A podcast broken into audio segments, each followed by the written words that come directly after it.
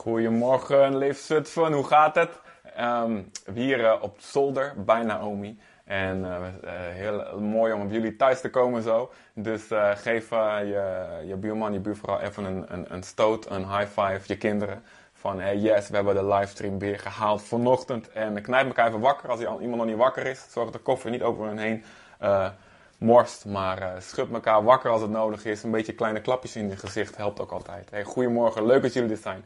Um, eventjes wat uh, mededelingen. Um, uh, binnenkort starten de diensten weer. Zorg dat je je inschrijft. Wil je bij Leef, van Live zijn? Zorg dat je je inschrijft. Dat kan online.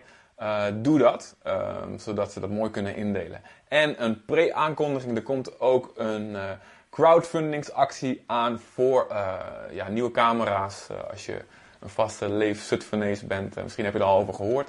Uh, wordt ook aangekondigd in een nieuwsbrief, maar ik mocht jullie vast een beetje warm maken daarvoor. Zodat ook straks als de diensten weer echt, in, uh, uh, echt op locatie weer zijn, dat ook de diensten geleefstroomd kunnen worden. Dus dat was een pre-aankondiging. En nog een kleine aankondiging ook vanuit ja, de dingen die wij aan het doen zijn als meer Jezus zijnde. Jullie weten, we hebben ook op Aruba ook een gemeente gesticht. We hebben al aangekondigd dat in Raalte er ook een gemeente aankomt. En die, mensen willen allemaal ook Leef Raalte gaan heten. Dus dat wordt wat. En nu, hier mogen jullie vast weten, moest je nog niet verder vertellen. Over een paar dagen maken we het breder bekend. Maar er komt ook een nieuwe kerk in Enschede. Grote stad. We hebben daar een groep bij elkaar. Van de week zijn we bij elkaar geweest. Dus uh, dat is ons doel als, uh, als VPE gemeente stichting, als Meer Jezus. 100 kerken in 10 jaar. En een aantal daarvan gaan we ook echt zelf stichten. Um, dus uh, nou, dan weten jullie het vast als eerste. Sst, oké. Hey, we gaan bidden en we gaan naar de boodschap. Heer, dank u Heer dat u hier bent, Heer. Dank u Vader, Heer. Wij danken u voor, voor deze tijd, Heer. Hoe gek het ook is, Heer. Maar u heeft de geschiedenis in uw hand. U heeft deze coronatijd in uw hand. U heeft het einde daarvan in de hand. In dit land tenminste. In andere landen is het nog bezig, Heer. En wij bidden voor de wereld, Heer. Wij bidden, Heer, dat u de wereld zegent, Heer. Niet alleen met tijdelijke voorspoed, Heer, maar met eeuwige voorspoed. En we bidden dat alles wat gebeurt, ook vanochtend, Heer. Heer, dat, uh, dat het bijdraagt tot zoveel mogelijk Jezus in zoveel mogelijk mensen. Heer, zodat de, de eeuwigheid, niet alleen op aarde, maar voor eeuwig het goed zal gaan. En we bij u zullen zijn met zoveel mogelijk mensen. Heer, vorm Jezus in ons. En Heer, wat u in ons bouwt vandaag. Door het woord ook heen, Heer. Heer, um, ja, maak dat tot zegen voor de volken. In Jezus' naam. Hier is ons hart, Heer. Maak het levend, Heer, door uw geest. In Jezus' naam. Amen. Amen. Oké, we gaan lezen in 2 Thessalonicensen. 2 Thessalonicensen. 2 vanaf het begin. Broeders en zusters, over de komst van onze Heer Jezus Christus en het tijdstip waarop we met Hem worden verenigd, zeggen we u: verlies niet meteen je verstand. Zeg eventjes tegen je buurman, je buurvrouw: hey, verlies nou eens niet meteen je verstand. En raak niet in paniek. Zeg dat ook maar tegen elkaar. Raak niet in paniek. Wanneer een profetie of een uitspraak of een brief die door ons, Paulus en zijn teamgenoten, zou zijn geschreven, Alsof dat die dingen het voorstellen alsof de dag van de Heer, de terugkomst dus van Jezus en onze vereniging met Hem, hereniging met Hem, alsof die dag al op het punt staat om aan te breken. Laat je door niemand misleiden op geen enkele manier. De dag van de Heer breekt niet aan voordat velen zich van het geloof hebben afgekeerd en de wetteloze mens verschenen is. Hij die verloren zal gaan. Zoon van verderf staat er letterlijk.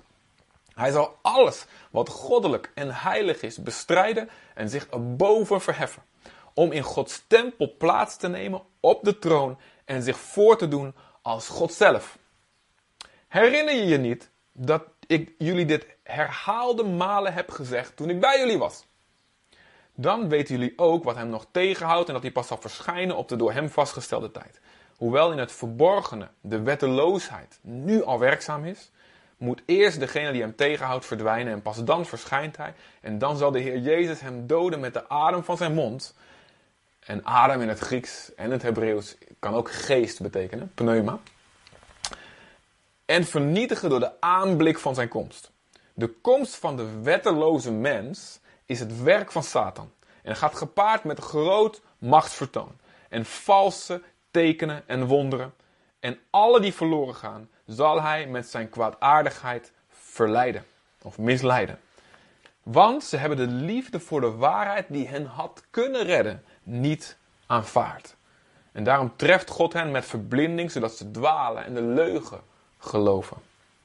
Zo zal iedereen die de waarheid niet gelooft, maar behagen schept in onrecht, die daar blij mee is, worden veroordeeld. Maar voor jullie broeders en zusters, geliefden van de Heer, moeten wij God altijd danken. Hij heeft jullie als eerste uitgekozen om te worden gered door de geest die heilig maakt. En door het geloof in de waarheid. Hij heeft jullie daartoe geroepen door het evangelie, het goede nieuws, dat wij jullie verkondigd hebben. En waardoor jullie zullen delen in de luister, de glorie, de majesteit van onze Heer Jezus Christus. Wees daarom standvastig, broeders en zusters, en blijf bij de traditie, de overlevering waarin jullie door ons onderwezen bent, in woord of in geschrift.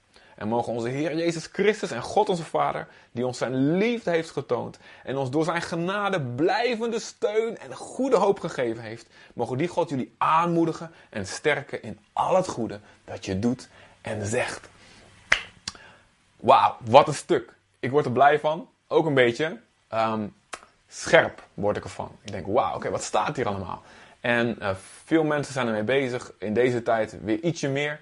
Uh, toen het toch een beetje eindtijdachtig aanvoelde allemaal dit jaar. Uh, wie had verwacht dat dit jaar zo zou lopen?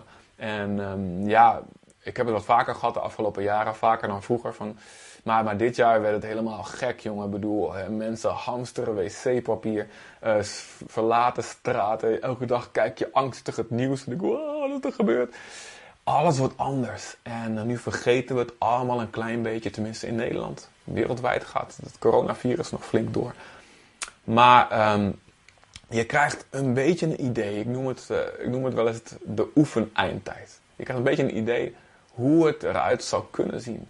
Um, maar hier staan wat belangrijke dingen, dingen die we net gelezen hebben in dit hoofdstuk. 2 Thessalonicense 2 dus. Ten eerste zegt, um, heeft, Paulus heeft het hier over ons, de terugkeer van Jezus en onze hereniging met Hem.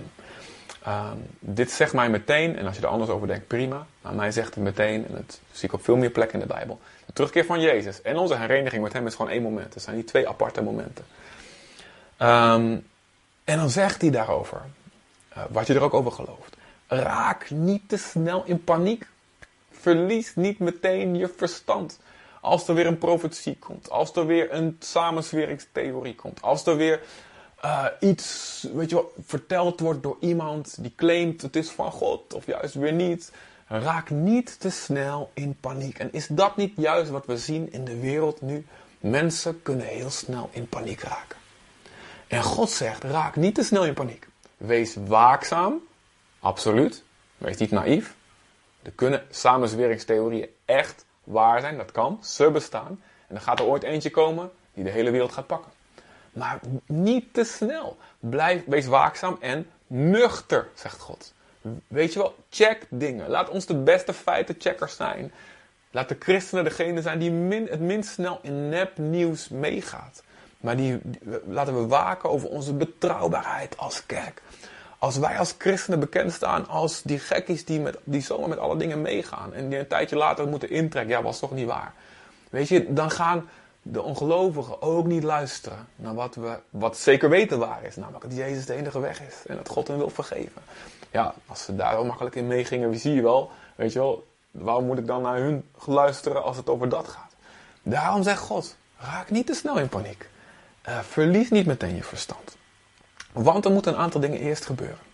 En dan noemt Paulus hier twee dingen. Uh, de antichrist, de mens van de wetteloosheid, die moet eerst komen.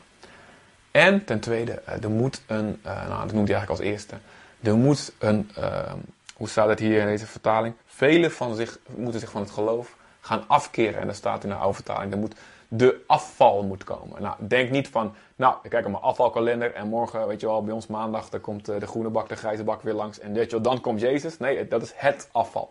Oké, de afval betekent dus dat, um, het staat in het Grieks apostasia. En um, dat uh, is een woord wat ook in de Griekse vertaling van het Oude Testament voortdurend gebruikt wordt voor mensen die van hun geloof afvallen. Um, en daardoor weten we dat, dat, dat het echt dat betekent. Uh, en ook in de andere Griekse boeken van die tijd. Er zullen mensen van geloof af gaan vallen. hey, ik vind dat geen leuk nieuws. Want weet je, ik ben een positivist, een optimist, net als jij waarschijnlijk. En weet je, ik geloof ook in, mijn heel, in heel mijn hart in opwekking. En ik geloof, we hebben andere bijbelteksten waarin staat, weet je, het evangelie van het koninkrijk zal de hele wereld gaan vullen. Het zal een berg worden.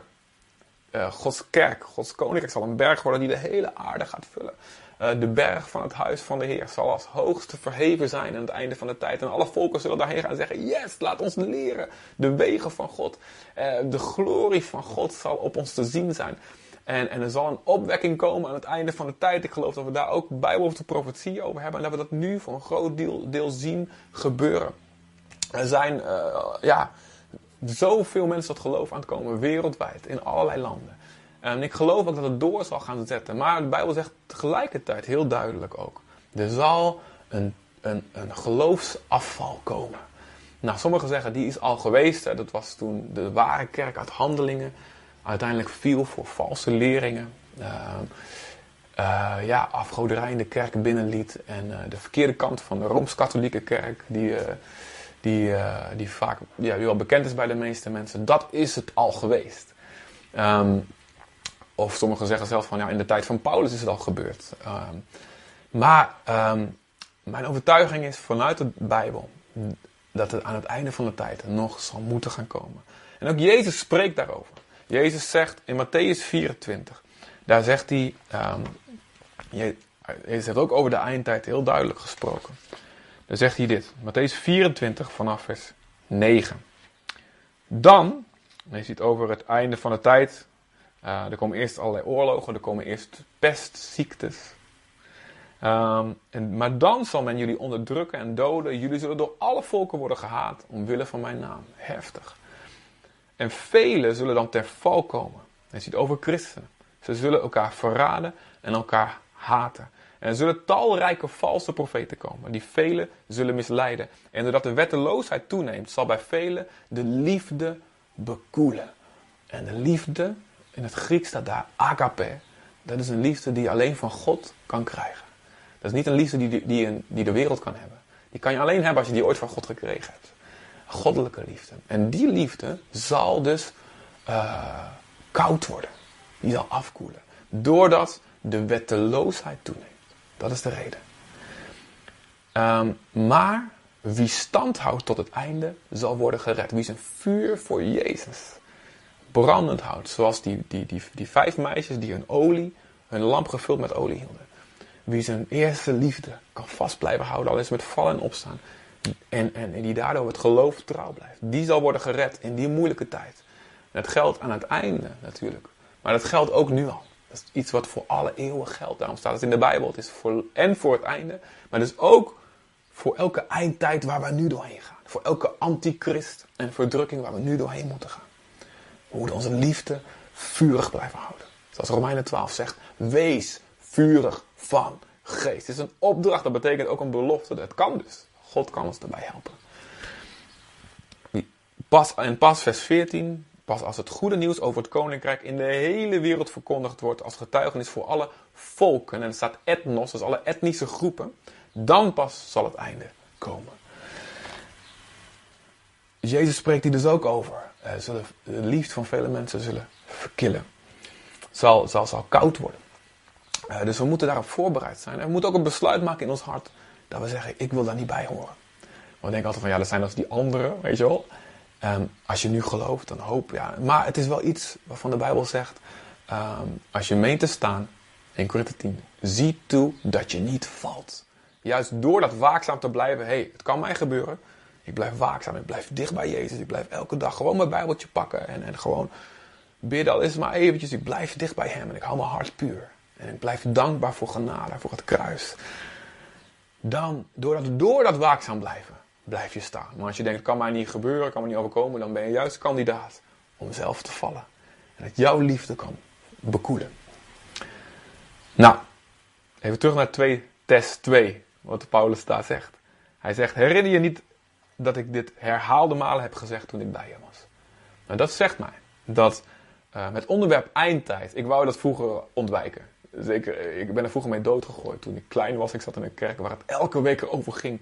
En elke dag hoorde ik van al die, van mijn oma en van al die, ja, een Indische kerk. Dus, ah, denk eraan, Jezus, dat komt spoedig, ja. En alle, was er Limburg de Maas overstroomd, zonder huis onder water. Zie je wel, de Heer komt. En ik werd een beetje allergisch voor. Dan denk ik, oh ja, dus alles is eindtijd. Het is ontwekend een beetje. Maar weet je, hier zegt Paulus, ik, ik heb het herhaald niet één keer. Hij is maar kort geweest in Thessalonica. Ik heb er meerdere keer over gehad. Dus als je een betrouwbare spreker wil zijn, of herder of voorganger, moet je dit onderwerp niet ontwijken. Het moet, je moet het volk van God hierop voorbereiden. Um, het hoort dus erbij als je een trouwe boodschapper van het woord wil zijn. Want ten eerste moet het geloofsafval komen. Eh, en ten tweede staat er, noemt hij de wetteloze mens, die zal eerst verschijnen. De mens van wetteloosheid. Nou, dit wordt op andere plekken wordt het de antichrist genoemd in 1 Johannes 2.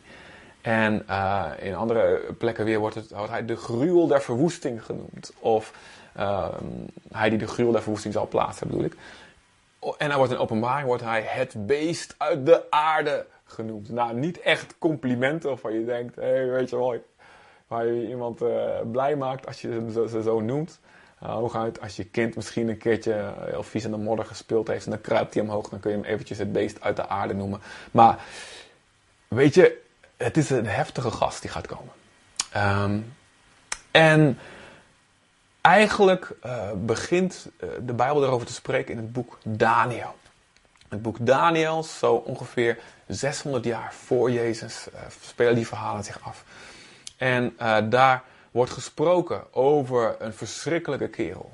Um, en lees dat maar, staat in Daniel, in de verschillende hoofdstukken wordt over gesproken. Daniel 7, maar vooral Daniel 11, daar kun je veel over hem lezen. Um, en wat heel bijzonder is, is dat heel gedetailleerd staat, staan daar oorlogen beschreven. En um, daar staat een man beschreven uh, die, zeg maar die antichrist-profetieën, die gaan voor een heel groot deel in vervulling met een man die ongeveer 500 jaar na Daniel uh, Israël aanvalt. En die man heet, mag je meteen weer vergeten hoor, je kunt het later nagoogelen, die heet Antiochus Epiphanus. En dat was een, een man uit, uit, eventjes kort samenvatten zeggen, uit Syrië. En uh, hij viel Israël aan. Hij, zette, uh, hij liet varkens slachten op het beeld van de tempel. Hij liet tienduizenden op het uh, altaar van de tempel. Hij liet tienduizenden Joden doden. Hij dwong de Joden hun identiteit op te geven. En om ja, werelds te worden. En wat heel bijzonder is, in Daniel 11, daar staat in detail, tot in detail beschreven wat hij gaat doen in de oorlogen. Het klopt allemaal wat er gebeurt. Um, zo accuraat zelfs, dat ongelovige bijbelwetenschappers hebben gezegd van dit is zo accuraat, zo specifiek. Um, en wij geloven niet in wonderen. Dus dit moet na die tijd geschreven zijn. Alsof ik nou zou uh, een boek zou schrijven nu in 2020, juli. Uh, ik uit de middeleeuwen heb een prachtige profetie over uh, een coronavirus wat zal komen en een lockdown. Al, al die de details helemaal alsof ik de boel zou willen flessen en neppen en net doen of het profetie is, terwijl ik het gewoon achteraf beschrijf wat er allemaal gebeurt. Of de Tweede Wereldoorlog, weet je wel. Het is zo wonderbaarlijk dat ongelovige wetenschappers zeggen dat moet na die tijd geschreven zijn. Um, maar wij geloven dat God uh, wonderbaarlijk is dat hij de toekomst voorspelt. Niet één keer, maar heeft hij meerdere keren gedaan. Um, nou, er zijn ook genoeg bewijzen voor om uh, aan te tonen dat dat daadwerkelijk in 500 jaar voor het gebeurd is beschreven. Maar wat bijzonder is, vanaf vers 36 klopt het in één keer niet meer. Dan eindigt het op een andere manier. En um, daar staat eigenlijk dat die uh, profetie over de antichrist, die gaan meerdere keren vervuld worden. In een zekere zin in die Antiochus gast. Dus die een soort antichrist was voor zijn tijd. In een tweede zin heeft Jezus er ook over. Uh, zal het vervuld worden bij de verwoesting van Jeruzalem in 70 na Christus. Maar ook daar, dingen die Jezus noemt, daar ontbreken nog een paar dingen aan. Um, alsof je elke keer in meerdere lagen in vervulling gaat. En uiteindelijk aan het einde zal het compleet in vervulling gaan. Lees het thuis, Daniel 11 vanaf vers 36. Daar staat waarschijnlijk beschreven hoe de oorlogen, na de oorlog van de antichrist aan het einde gaan verlopen. Lees het maar thuis, heb je wat te doen van de week. Um, ook Zacharia spreekt nog over een aantal dingen. Jeruzalem zal worden ingenomen. Ehm, en, en, op dat moment, als Israël in verdrukking is, dan zullen ze uh, hem zien die ze doorstoken hebben. Zullen ze tot Jezus zich nog massaler gaan keren dan nu al gebeurt. Nou, lang verhaal, te veel details voor een zondagochtend. Maar bestudeer het, is de moeite waard. Je denkt, wauw, God is geweldig. Als je dat ontdekt. In uh, Johannes heeft het ook over die antichrist. En hij, um, hij zegt het zo. Blablabla. Een blaadje hier houden. Hij zegt het zo. Um, in Johannes 2, vanaf vers 18, dan zegt hij: Kinderen, het laatste uur is aangebroken. Hé, hey, zegt hij 2000 jaar geleden, hè? Ik bedoel, je hebt gehoord dat de antichrist zal komen. Weer, um, opnieuw zien we heel duidelijk, dit was dus een basisdoctrine die iedereen wist. Hij spreekt er weer erover, jongens, iedereen weet dit. Elke christen weet er komt een antichrist. Dus dit moeten we weten. Daarom spreek ik er ook over vandaag. Um, maar je hebt gehoord dat de antichrist zal komen, maar nu al treden er veel antichristen op. En daardoor weten we dat dit het laatste uur is. Ze zijn uit ons midden voortgekomen. hey, we lazen dat die, die, die, die, die antichrist zal zich in de tempel van God gaan zetten. En hier zegt Johannes, ze zullen uit ons midden voortkomen. Wat dat betekent met die tempel, um, zal het de fysieke tempel zijn in Jeruzalem die herbouwd gaat worden. Nou, dan moet er flink wat gebeuren. Maar er staat nu een dikke moskee, de Al-Aqsa moskee. Um, en uh, ja, de islamwereld zal niet zomaar toestaan dat die zal verdwijnen. Um, als die tempel gebouwd moet worden, dan moet er flink wat gebeuren. En moet de islam ook eigenlijk als, aan kracht in moeten. Kan zijn. Ik denk dat God de voorspellingen um, zo geeft dat we ze eigenlijk niet van tevoren specifiek kunnen invullen. Tot het moment dat het aan het gebeuren is. En dat je echt een levende relatie met God moet hebben. Vol van de geest moet zijn om het te herkennen. En dat je niet zomaar een aantal dingen kan opschrijven. Uh, uh, en daarop letten zonder dat je hart levend met God leeft. Dat je echt met hem wandelt. Dus of het een fysieke tempel gaat zijn, dat kan. Maar het kan ook zijn. Hey, de antichrist komt uit de kerk. Zoals Johannes hier spreekt. Die antichristen van zijn tijd, die kwamen uit ons midden voort. Maar ze hoorden niet bij ons. Want als ze werkelijk bij ons hadden gehoord, zouden ze bij ons zijn gebleven. Maar het moest aan het licht komen dat niemand van hen bij ons hoorde. En dan zegt hij, vers 22, de antichrist is iedereen die de vader en de zoon niet erkent. Uh, en wie de zoon erkent, heeft ook de vader. En ieder die de zoon niet erkent, heeft ook de vader niet. Nou, um, kijk, dan heb ik mijn blaadjes door de war gegooid. Ja, daar is hij. Um, ook, de, ook hier zien, weer zien we dat de deze antichrist-profetieën uh, meerdere keren in vervulling kunnen gaan. Zoals uh, die dus 100 voor Christus in die Antiochus gas vervuld is. Eigenlijk in de Romeinen die de tempel verwoesten. In Nero die de christenen vervolgde. Uh, vervuld is. Maar ook door de geschiedenis heen. Um, sommige mensen zeggen dat de pausen, het pausdom, uh, en dan misschien niet deze, we hebben best wel een lieve pauze misschien, weet je wel. Maar zeker in de tijd van de reformatie van Luther en zo. Ja, die pauzen die gedroegen zich best wel beestachtig en vervolgden ware gelovigen. En ik snap best wel dat ze in hun tijd dachten, ja, voor die pauzen, dat zijn de antichristen. Kijk eens, ze hebben zich in de tempel van God, in de ware kerk van God, hebben ze zich gezet.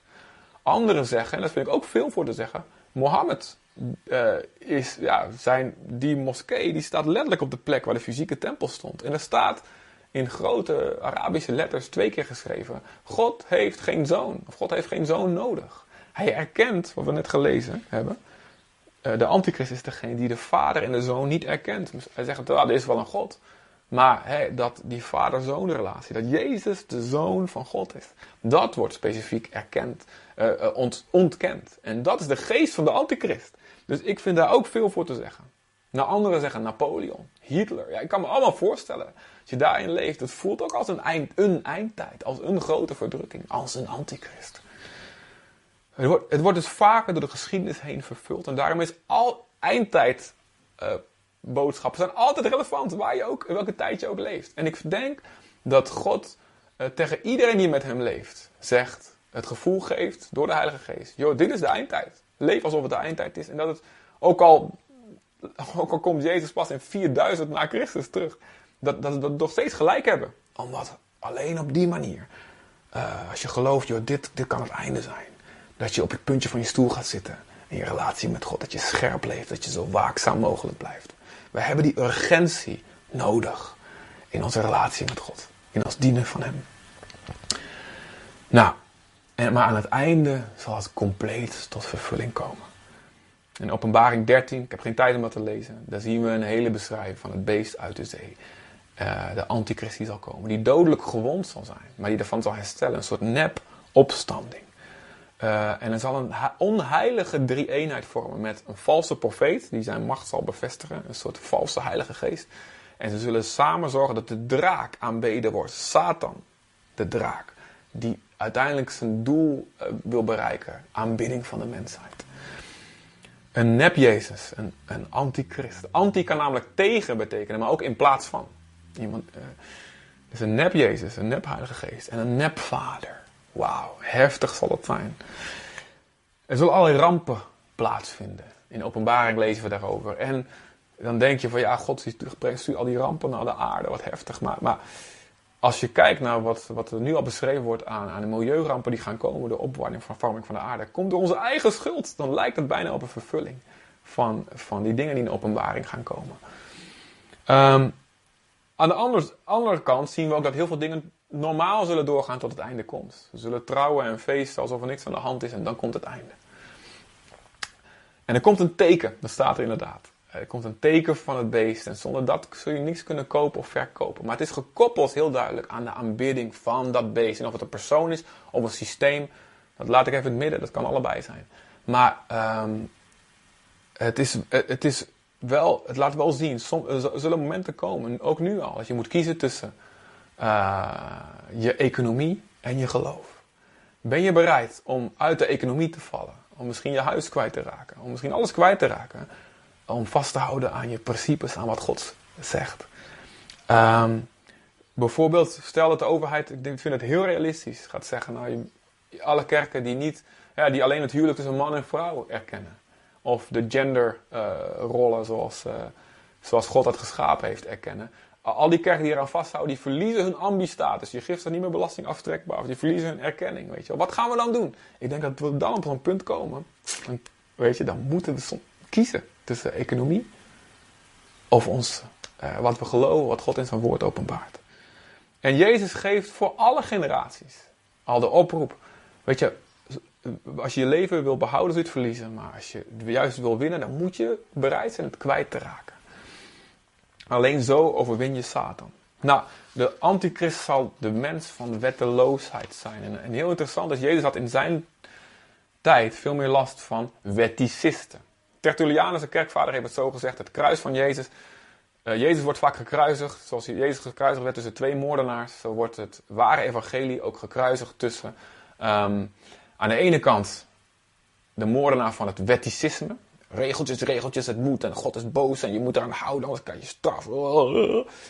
En aan de andere kant, uh, de moordenaar van wetteloosheid. Ah joh, je hoeft helemaal niks meer. Weet je het is allemaal genade en vergeving, is allemaal wel oké en je mag leven zoals je wilt.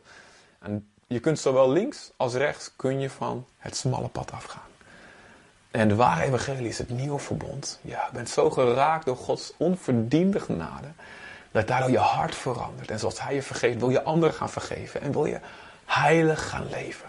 Vanuit die liefde. En dat vuur blijft uh, opbranden. En daardoor wil je Gods wil blijven doen. En daardoor zul je niet vallen in dat het allemaal regeltjes worden. En het moet maar. Maar ook niet in het andere van je doet maar wat je wil. Nee.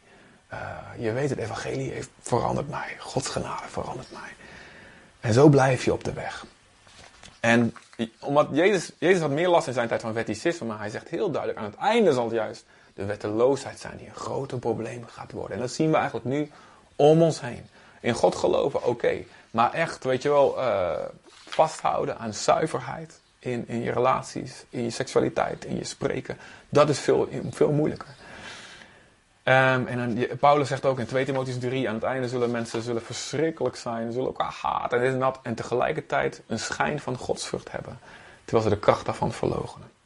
Wat kon ons daarvan weerhouden? Ten einde van 2 Thessalonicenzen zien we heel duidelijk, uh, het stuk wat we net gelezen hebben. Mensen zullen verloren gaan en meegaan in die misleiding, omdat ze de liefde voor de waarheid niet vasthouden. En dit is onze redding. Dat betekent dus, ik wil Gods wil doen, koste wat kost. Jezus zegt, Johannes 7, vers 17, als jij werkelijk Gods wil wil doen, zul je kunnen onderscheiden wat van God komt en wat niet. Niet mijn wil, maar uw wil geschieden. En uh, dus niet leraars naar je eigen begeerte verzamelen die me vertellen wat, wat, je, wat, wat je wil horen. Je mag doen wat je wil, dat is allemaal oké. Nee, heren, eigenlijk wil ik dit, maar als u dat wil, op het gebied van relaties of, of je lichaam of je geld of je tijd. Als u dat wil wat ik eigenlijk niet wil, met Isaac vermoorden op het altaar, hé, maar als u het wil, dan doe ik het. Zo blijf je op de weg. Liefde voor de waarheid boven liefde voor jezelf of liefde voor dat mensen uh, blij met je zijn. De angst, mensenvrees. Als we daaraan vasthouden, zullen we in staat zijn, zal God ons beschermen tegen de heftigste misleiding, hoe heftig die ook is en hoe moeilijk die ook te herkennen is. Zal die komst van Jezus niet komen als een dief in de nacht voor ons, want we zullen olie in onze lamp hebben. We zullen in de fik staan, on fire voor Jezus. En we zullen, God zal ons voor struikelen kunnen behoeden. En Jezaja 60 vers 2 zegt zelfs, duisternis zal over de aarde komen, maar over jullie zal de glorie van God te zien zijn. Als je vasthoudt aan de liefde voor de waarheid, als je niet in paniek raakt. En niet zegt, hey, Rutte is de antichrist of wat dan ook. Of, of uh, die vaccin, weet je wel. Rare verhalen. Check de feiten. Dat we bekend zijn als een betrouwbare kerk. Zodat mensen ons wel geloven als de echte samenzwering eraan komt. En als, als ze ons geloven als, het evangelie, als we het evangelie delen met ze. Ik dank God voor de overheid. Ik dank God voor, voor Rutte. Ze zijn niet perfect. Ik zie andere gevaren. Maar ik denk dat dankzij die anderhalve meter en uh, dankzij een vaccin, hopelijk als het er komt, dat God ons de wereld wil zegenen. En dat, dat we in dit land de boel onder controle hebben, dankzij de maatregelen die er zijn. In tegenstelling tot andere landen waar ze het niet gedaan hebben. Ik dank God daarvoor. Ik hoop dat jullie dat met me meedoen. Ja, de infrastructuur van die antichrist die wordt aangelegd. Dat geloof ik ook. Technologie, mondialisering. Het is niet te stoppen. Maar hij, God heeft de geschiedenis onder controle. God is ook die degene die dat stuurt. En hij wil dat we die infrastructuur die straks de antichrist misschien gaat gebruiken om de hele wereld over te nemen. Dat we die gebruiken om te stralen, om het evangelie te brengen, om, om, om zijn koninkrijk te brengen. Laten we daarop focussen. En laten we nu al elke dag de keuze maken. Weet je, ik kies altijd voor God boven mijn economie, boven mijn eigen lichaam. En dan zullen we veilig zijn als dat moment echt gaat komen. En Jezaja in Lucas 21, daar zegt Jezus tenslotte. Daar zegt hij aan het einde van, van weer een eindtijd preek van hem. Daar zegt hij dit. En die is heel belangrijk. Hij zegt, joh, hemel en aarde zullen verdwijnen. Dit zal allemaal gebeuren, het zal heftig worden. Maar in vers 34, Lucas 21, 34. Pas op dat je hart nooit afgestompt raakt door de roes en dronkenschap, dus goede dingen, en door de zorgen, negatieve dingen van het dagelijks leven. Zodat die dag jullie overvalt onvoorspelbaar als een val die dichtklapt, want plotseling zal hij komen over iedereen die waar ook op aarde wonen. Zorg ervoor dat je nooit je hart afgestompt raakt voor de liefde voor God. Dat je door goede dingen, het gaat goed met je, dat je daardoor afgeleid wordt. Of door zorgen. Blijf scherp, blijf waakzaam, zegt hij dan. Vers 36, wees waakzaam en bid onophoudelijk om te ontkomen aan de dingen die gebeuren gaan en om zo voor de mensenzoon te kunnen verschijnen. Wees waakzaam en blijf bidden. Zeg niet, het kan mij niet gebeuren, ik kan niet vallen, mijn liefde kan nooit verkillen. Nee, wees waakzaam en bid, zeg heren, bewaar mij. Leid me niet in verzoeking, verlos me van de boze. Ook ik kan vallen, ook ik kan een antichrist worden. Maar Heer, u zal me beschermen als ik u erom vraag. Dat zal Hij doen en ik zal stralen. Wij zullen stralen, wij zullen, wij zullen Gods licht laten zien. Zonder enige twijfel zal God dat doen. Door de kracht van de Heilige Geest. Lieve schatjes, um, wees gezegend en um, amen. Zullen we nog bidden met z'n allen? Ja toch, jullie willen bidden? Ik wil eventjes hier, kijk eventjes naar de mensen op de bank naast je. Even kijken. Ja, ja, je wil bidden? Is, Oké, is goed. Democratisch besloten. Uh, we gaan bidden. Dank u, Vader. Heren, zegen ons. Um, hou ons dicht bij u. Hou ons hart in de fik. Maak ons waakzaam, maar ook nuchter.